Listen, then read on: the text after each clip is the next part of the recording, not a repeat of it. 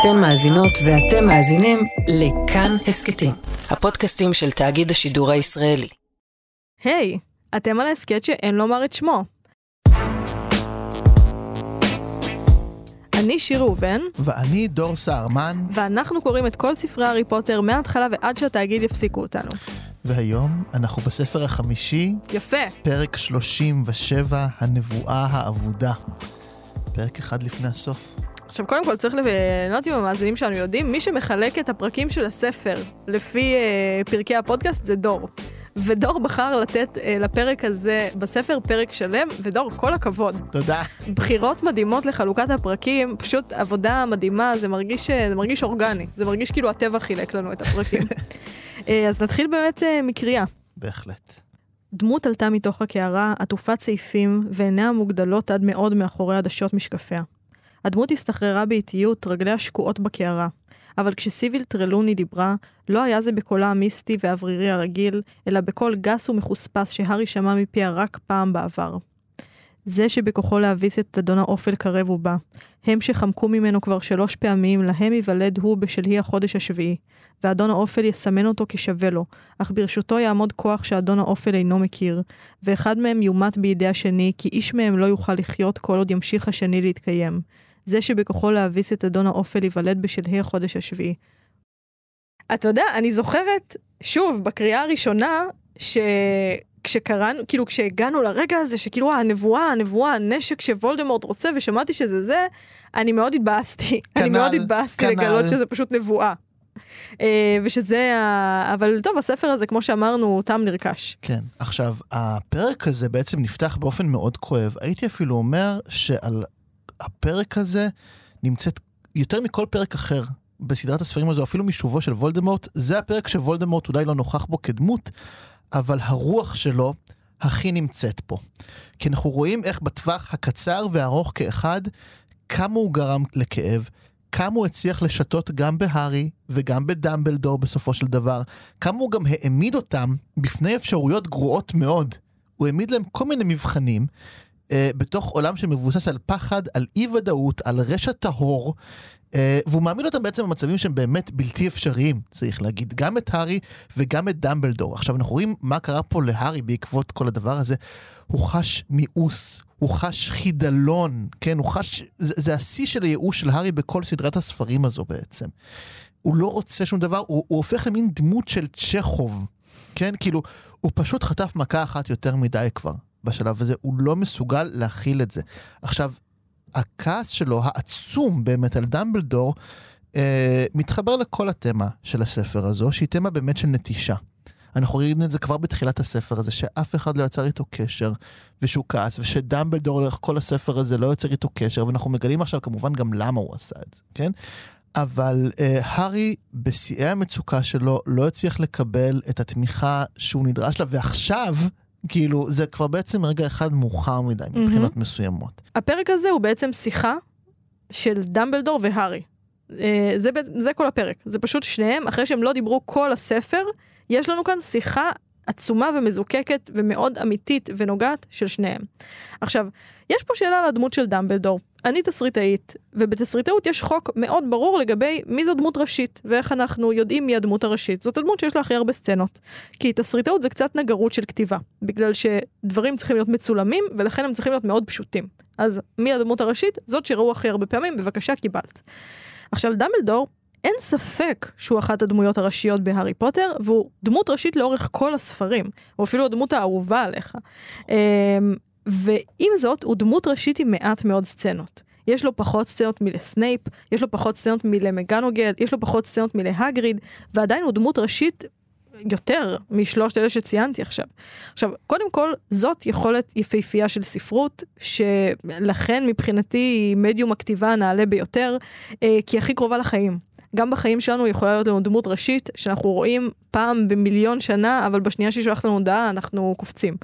אה, ויש גם דמויות ראשיות בעולם הפנימי שלנו באופן כללי, שלא ראינו אותן שנים, שהן רחוקות, יש כאלה דמויות ראשיות אפילו שהן מתות.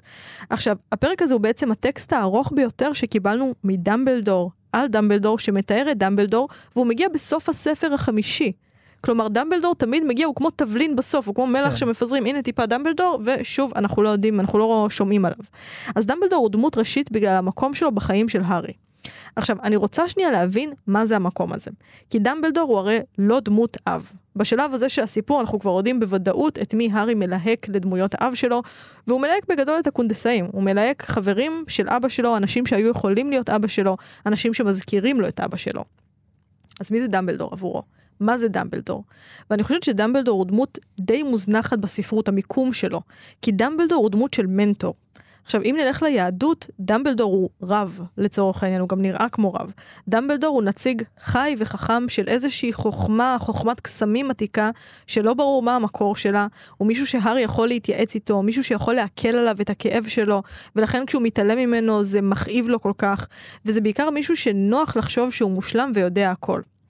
עכשיו זה גם מתחבר עם זה שדמבלדור הוא מנהל בית הספר, הוא לא מורה, הוא משהו שהוא מעבר למורה. אלה יחסים שלא נוגעים בהם כל כך בספרות, לא נוגעים בעומק שלהם לפעמים. אה, ובכמה היחסים האלה יכולים להיות משמעותיים. אני חושבת שיחסי המנטורין הכי יפים שאני מכירה על המסך הם אה, במדמן, סדרה שאני מאוד אוהבת. סדרה מדהימה. בין פגי אולסון לדון דרייפר, זה שרטוט מהמם של יחסים, כי הוא מצליח ללכוד בדיוק עד כמה קשר כזה הוא פגיע. כי מה זה אומר שיש לך מנטור? זה אומר שיש מישהו שאתה יכול להגיד לו, אני לא יודע מה אני עושה. אני לא יודע מה אני עושה ואני צריך אותך. יש מרחב בטוח לדבר הזה. ומישהו אומר לך בתמורה, אני, אני רואה בך פוטנציאל לזה שאתה יכול לדעת, ואני משקיע בך זמן ומלמד אותך. עכשיו, זה קשר מאוד מאוד מאוד מיוחד ואינטימי. אני חושבת שכל מי שחווה קשר כזה של מנטורין, יודע שזה אחד הקשרים הכי יקרי ערך שאפשר לחוות. זה באמת דבר מאוד נדיר, והוא דורש התמסרות של שני הצדדים. הוא דורש גם את ההתמסרות שלך לומר, אני לא יודע, אני מוכן ללמוד ואני מפקיד את עצמי בידיים של האדם הזה שילמד אותי, והוא דורש גם את ההתמסרות של הצד השני, שאומר, אני משקיע את כולי עכשיו בדבר הזה כדי להעביר את הבן אדם הזה תהליך. אני מאמין שהוא יכול לעבור תהליך. עכשיו, הארי בצדק, מרגיש נבגד. המנטור שלו עזב אותו לשנה בלי להסביר לו למה. עכשיו, קודם כל, זה לוקח ממנו את הכוח שיש לו של מישהו שמאמין בו, והארי אכן חווה משבר אמונה עצמית מאוד גדול בספר הזה. עכשיו, חוץ מזה, הארי לא ידע מה לעשות, אף אחד לא הנחה אותו ולכן הוא טעה. ודמבלדור גם על זה לוקח אחריות. הוא גם מספר לו עכשיו אה, על יחסי המנטורים האלה מהצד שלו, איך הוא הנחה אותו. הוא גם מספר לו איך הוא, איך הוא פישל, איך הוא זלג בתפקיד שלו כמנטור, מי שאמור ללמד אותו את הדרך, למי שרצה לגונן עליו. למי שאמר, אני לא יכול לספר לך את הנבואה הזאת, כי אני עברת כל כך הרבה דברים, לא יכולתי לתת לך את המידע הזה ונכשלתי. עכשיו, כל ה... בעצם דמבלדור פה מפרט להארי, כן, את, ה... את הבחירות הקשות, וגם הלא נכונות אולי שהיה צריך mm-hmm. לעשות. עכשיו, אמ, גם סביב דמבלדור, גם סביב אגב קריצ'ר, דמות שבקושי דיברנו עליה ממש. בפודקאסט הזה, אבל פה אנחנו, אני חושב שהיא מאירה משהו מאוד חשוב מסכימה. לגבי דמבלדור והארי וסיריוס. יש פסוק אחד שמאוד הדהד לי מהתנ"ך. עכשיו, אני אתן פה רקע רגע, כשפעם הייתי מדריך במוזיאון בית התפוצות, שהיום נקרא אנו, וואו. ויש לו תערוכת, אה, יש לו, ביקרתי גם במוזיאון החדש כמבקר, פתחו אותו מחדש, עשו בו שיפוץ. במוזיאון הישן, כשהתחלתי להדריך בו לפני איזה שמונה שנים, הייתה תערוכת קבע נוראית, היום מותר לי להגיד את זה, אני כבר לא עובד שם, היא הייתה מיושנת מאוד. אה, אבל היה שם רגע יפה, שבו רגע לפני שאתה מכניס את הילדים, או את המבוגרים, את הקבוצה שלך, לכזה שער שבו מסבירים על הקהילות השונות היהודיות לאורך ההיסטוריה, הופיע פסוק. אה, חלק, פסוק מספר תהילים, שאומר, אה, לא אמות כי אחיה. הפסוק אומר, אוקיי. Okay. כן, נכון, מה זה אומר לא אמות כי אחיה? ותמיד הייתי שואל, גם את זה, למה יש את הפסוק הזה? למה צריך להגיד לא אמות כי אחיה? למה לא מספיק להגיד לא אמות? או אחיה. או אחיה. או פשוט לעשות את זה. כן, למה, למה צריך כאילו זה? ואז הייתי מוביל אותם בתהליך ארוך שאני לא אעשה כאן, למסקנה שזה לא אותו דבר בעצם. יש לא למות ויש לחיות. יפה. לא למות זה הישרדות. כן, זה, או בהקשר יהודי, כן, לשרוד ברגעים הכי קשים שרודפים אותנו וכולי, כן, לעשות הכל רק כדי להינצל מהמוות. לחיות, אני חושב שאנחנו עונים למונח חיים, הרבה מעבר ללא למות, נכון? לחיות זה משמעות, זה דברים שאני אוהב, וכולי וכולי, כל אחד ייקח את זה לכיוונים שלו. וזה היה הטריק שתמיד הייתי עושה, להגיד, אה, היו לנו תקופות רעות והיו תקופות של שגשוג בעם היהודי, איזה יופי. אבל הספר הזה מייצג בדיוק את התמה הזו, והלבטים של דמבלדור בעצם לאורך הספר, היו סביב לא אמות כי אחיה. כן? איפה אני... ד... כי בעצם דמבלדור נכנס פה למלכודת שוולדמורט הוליך אותה אליו בלית ברירה. כן? כי מצד אחד דמבלדור הוא חד משמעית בחלק של החיים. לא בחלק של הלא אמות. כן, לא אמות זה וולדמורט, זה ממש משמעית. זה. וכי אחיה זה דמבלדור, כן? כי הוא מאמין באמת בחיים עם משמעות, עם אהבה, עם רגשות, עם פעילות למען אנשים, כן? אבל וולדמורט בעצם מאלץ אותו להתייחס לחלק של לא אמות, כי בעצם מה דמבלדור אומר לנו שהוא פחד? כאן הוא פחד שוולדמורט ישתמש בהארי כדי לפגוע בו. בדמבלדור, ואז אם דמבלדור מת, כל העסק הזה אה, ילך לעזאזל ואוכלי המוות ישתלטו על הכל.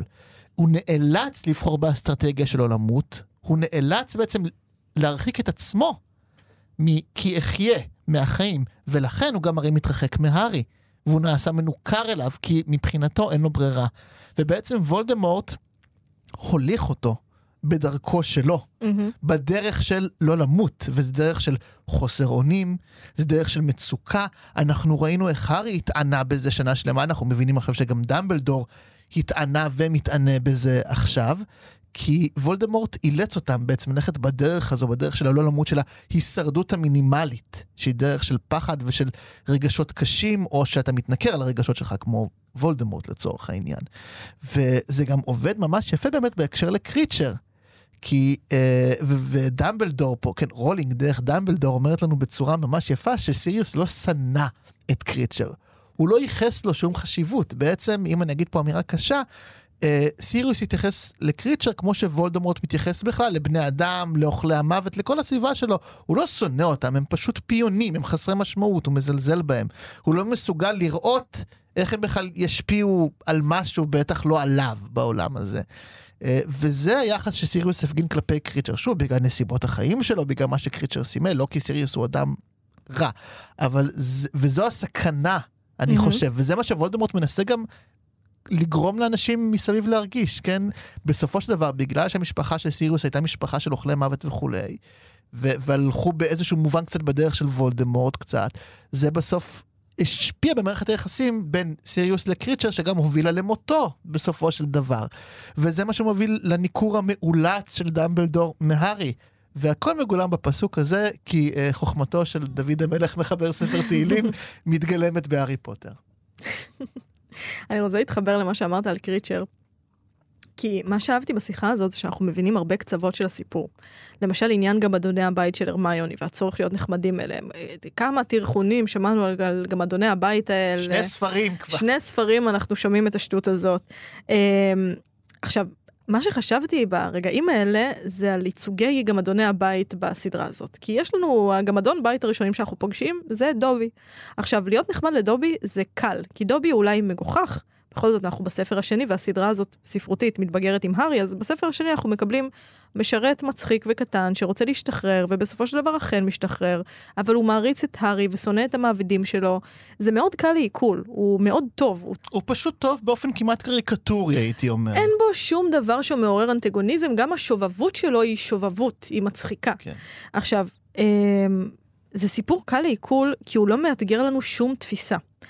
ברור שהמשרת ישנא את האדונים שלו וירצה להשתחרר, זה מאוד מסתדר עם מה שאנחנו חושבים על משרתים ואדונים ועבדים, וברור שהמשרת יאהב את הגיבור שלנו ויהיה נחמד אליו, מצוין, אהבנו, לא מאתגר לי שום דבר. הספר החמישי לוקח את הרעיון הזה של גם אדוני הבית, של העבדות, ונותן לו פנים אחרות, ולפנים הרבה יותר מאתגרות, הרבה יותר מעניינות, ולצערנו הרבה יותר ריאליות. כי קריצ'ר הוא קודם כל גם אדון בית שהפנים חזק מאוד את הדיכוי שלו. הוא לא רוצה להשתחרר, הוא ספג את הרעל של בית משפחת בלק, הוא מורד באדון שלו, אבל גם נאלץ לשרת אותו, שזה דיסוננס שאם דובי הפך למאוד קומי, ופה הוא הפוך לגמרי. כי המשרת רוצה לשרת את הרעים, והגיבור שלנו אותו הוא שונא ובו הוא מורד, ובסופו של דבר הוא גם רוצה שיערפו את הראש שלו ויתלו אותו בבית. עכשיו, אני מנסה לחבר את כל הנקודות האלה לאיזשהו פרופיל, ואני חושבת שקריצ'ר הוא ה live motion של דובי. קריצ'ר הוא פרופיל הרבה יותר הגיוני של מה שחיים כאלה יכולים לעשות לך, מה שדיכוי של שנים ודורות יכול לעשות לך, כמה ממורמר וקשה ומוזר הוא יכול להפוך אותך. אה, כי האנומליה כאן היא לא קריצ'ר אלא דובי. הגמדון בית שרוצה להשתחרר, שמודע לזה שהאדונים שלו רשעים, הרבה יותר הגיוני שאם אתה עבד, וכל המשפחה שלך דורות אחורה הם עבדים, אתה תפתח יחסים מעוותים עם עצם הרצון שלך. כי להיות עבד זה בראש ובראשונה לוותר על הרצון שלך לחלוטין. וזאת שאלה, האם אפשר לוותר על הרצון שלך? האם אפשר אה, בעצם להתנכר לכל המאוויים הכי כמוסים שלך, ואפילו הלא כמוסים שלך? לא בא לי להביא לך מים, לא בא לי לבשל ארוחת ערב, לרגעים האנושיים שלך של התנגדות.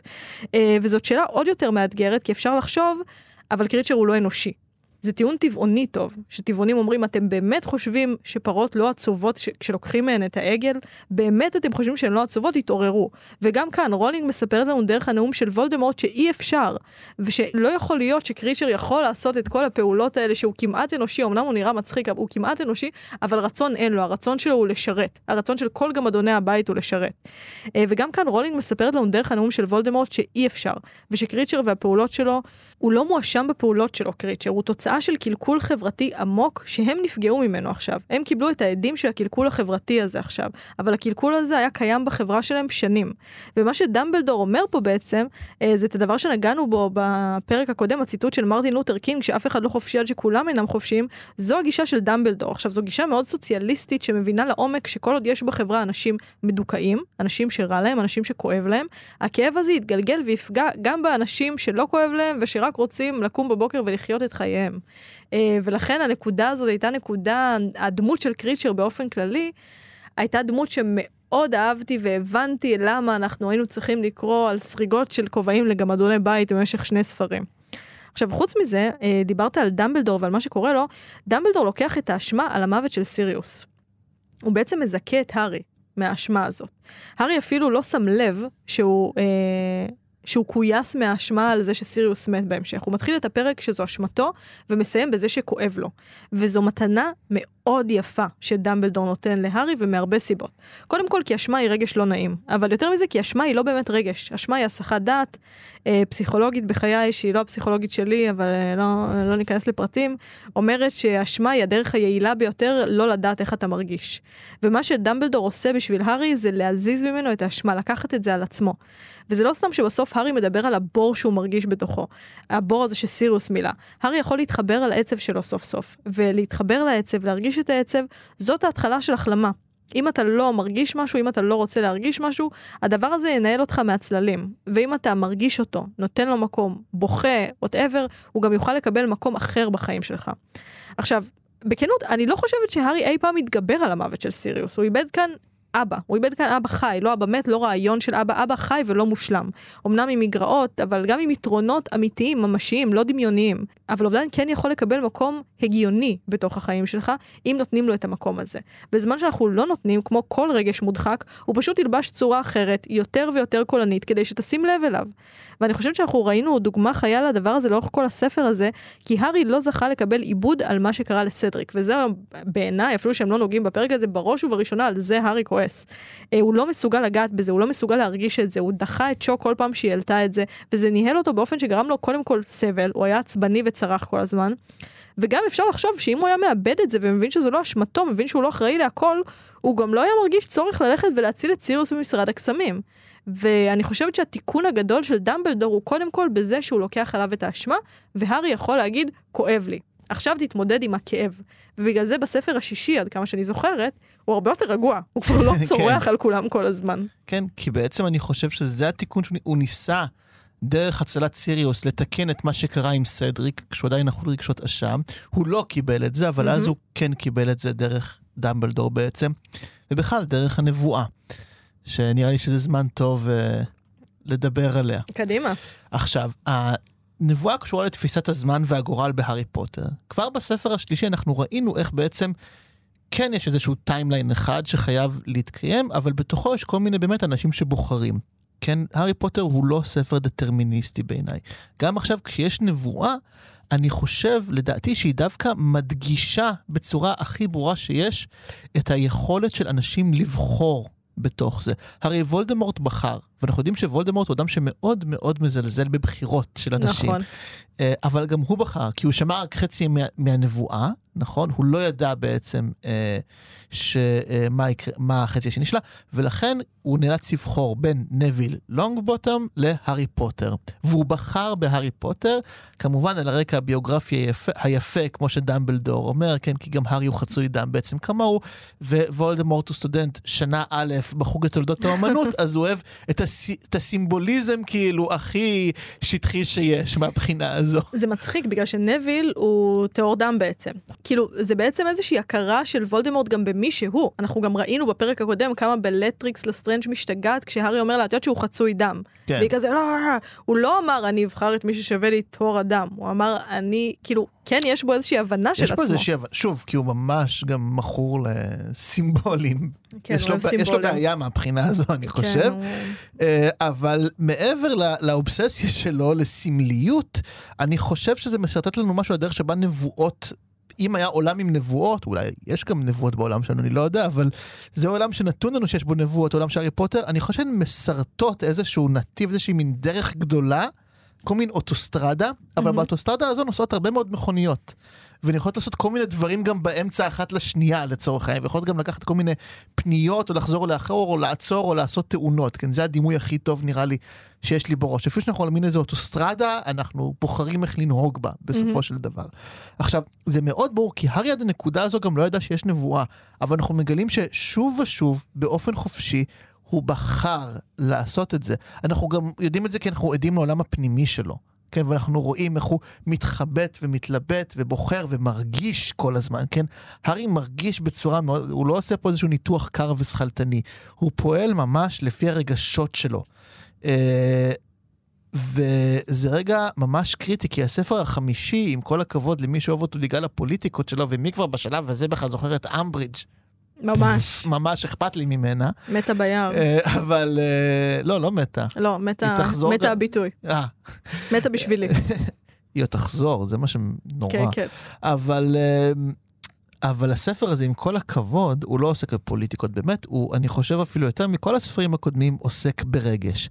לא סתם הפרק שאנחנו קוראים עכשיו מסתיים בדמעה של דמבלדור. כי הבסיס להכל זה רגש, או ליתר דיוק כמובן האהבה.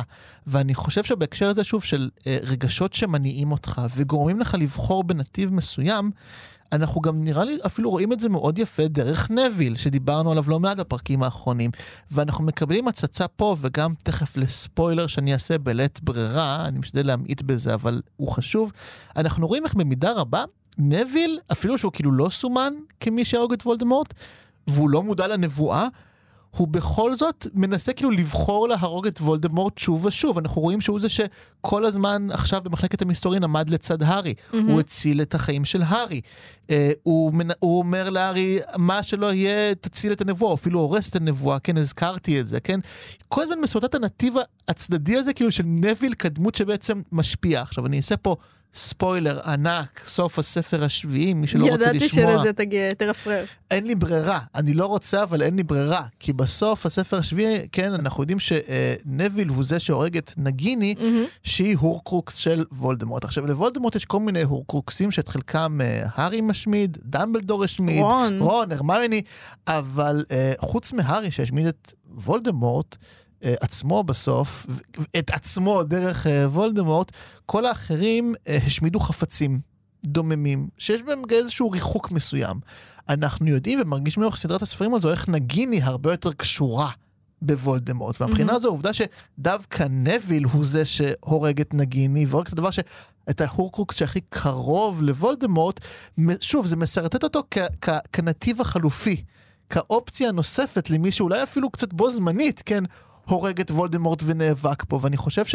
והוא עושה את זה כי הוא בוחר, מהמם. שוב, הוא, הוא מנסה כל הזמן להתקרב לוולדמורט, כאילו אפילו שוולדמורט בחר בהארי, אפילו שהארי יהיה זה שיעשה בסוף את הקרב הסופי וכולי וכולי, נביל תמיד הכי הכי מתקרב. ודווקא זה שיש נבואה, מדגיש לנו כל הזמן את האפשרויות של אנשים, אולי בתוך מסגרת גדולה, ועדיין לבחור בתוכה, ו- מהמם. ולראות איפה הם זזים, וזה מאוד יפה, וסליחה על הספוילר. זה בסדר גמור. אני חושבת שעוד דבר יפה שאנחנו לומדים פה, זה איך וולדמורט משתמש באהבה כחולשה. איך כל מה שוולדמורט היה צריך כדי לגרום לבלגן המטורף הזה, זה לשמוע שסיריוס אוהב את הארי מקריצ'ר. זה המידע המודיעיני שהוא קיבל. סיריוס אה, אוהב את הארי, הארי אוהב את סיריוס. אנחנו גם שומעים איך האהבה, אמרתי את זה גם בפרק הקודם, באמת יכולה לתפקד כחולשה בנאום המקסים של דמבלדור.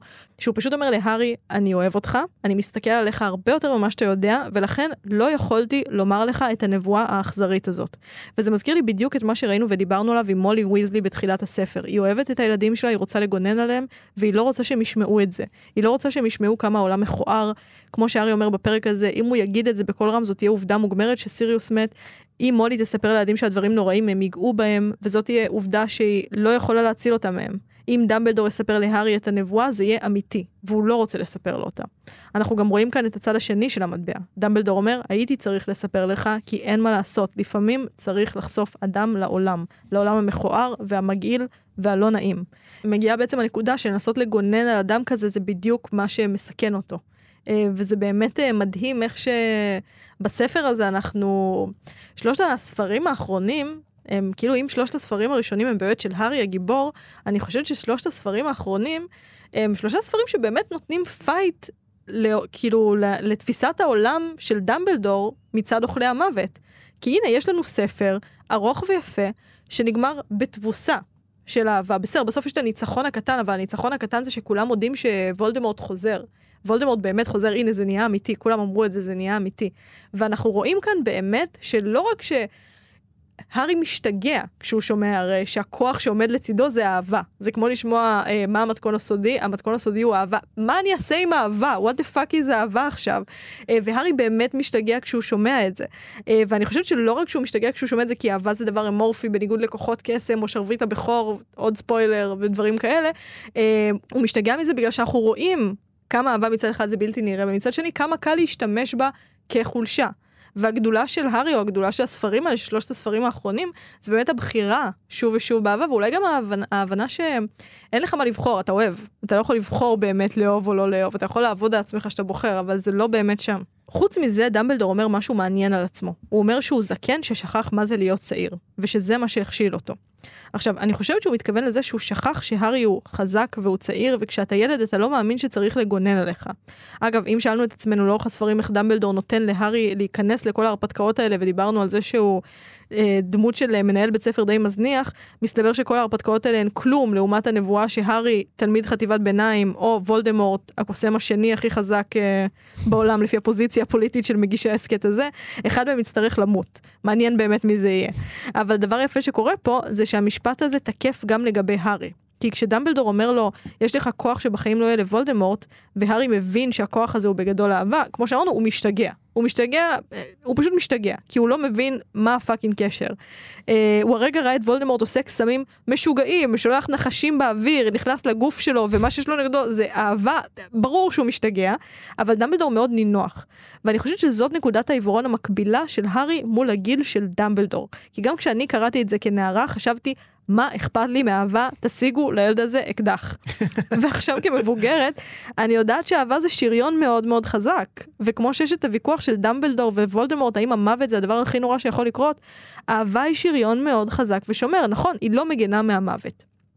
אבל למות נאהב ואוהב, זה כן שריון מפני החידלון שבחיים, מפני הסוף החותך והכואב, זו כן משמעות, וזה דבר שוולדמורט לא מבין. זה הכוח הלא מתכלה של הארי, אבל הוא בן 15, והוא באמת צעיר מדי בשביל להבין את זה, וזה דבר שדמבלדור מבין. אז יש כאן באמת איזושהי נקודה יפה שלהם, שבו, שבה דמבלדור לא רואה את, הוא שכח מה זה להיות צעיר, אני זקן ששכח מה זה להיות צעיר, והארי הוא צעיר שלא מבין מה זה להיות זקן. הוא לא מבין ש... לא, אהבה זה הרבה. אתה חושב שזה כאילו, זה המון, זה המון. החברים שלך שאיתך, הכוח שלך שמתחדש, זה הכל אהבה. אתה פשוט עוד לא יודע מה זה, אתה יודע רק להרגיש את זה, אבל אתה פעוט. נכון. ווולדמורט בחיים לא הבין את זה, כי הוא חושב על המוות בתור החידלון הסופי, והוא לא מבין שקשרים, זיכרונות, mm-hmm. יצירות, דברים, זה דברים שנשארים אחרינו במידה רבה. טוב, אה, אז אנחנו נסיים. נכון, אה, בשבוע הבא אנחנו נקרא את הפרק האחרון, פרק 38, המלחמה השנייה נפתחת, ונסכם את כל הספר המטורלל והמשוגע הזה. איזה שמחה. אה, אפשר להזין לנו באתר כאן ובכל אפליקציות ההסכתים. אפשר גם להצטרף לקבוצת הפייסבוק שלנו, הקבוצה שאין לומר את שמה, אה, או לקבוצת הטיקטוק שלנו, הריקוד שאין לומר את שמו. אני לא יודעת איך משתמשים בטיקטוק, אני לא יודעת אם זה אפילו רפרנס הגיוני, מה שעשיתי עכשיו. אל תחפשו את זה. אנחנו זקנים ששכחו מה זה להיות צעירים. תודה רבה, דור. תודה רבה, שיר. ואני רוצה לומר תודה רבה גם לניר גורלי שהפיק אותנו וערך. תודה.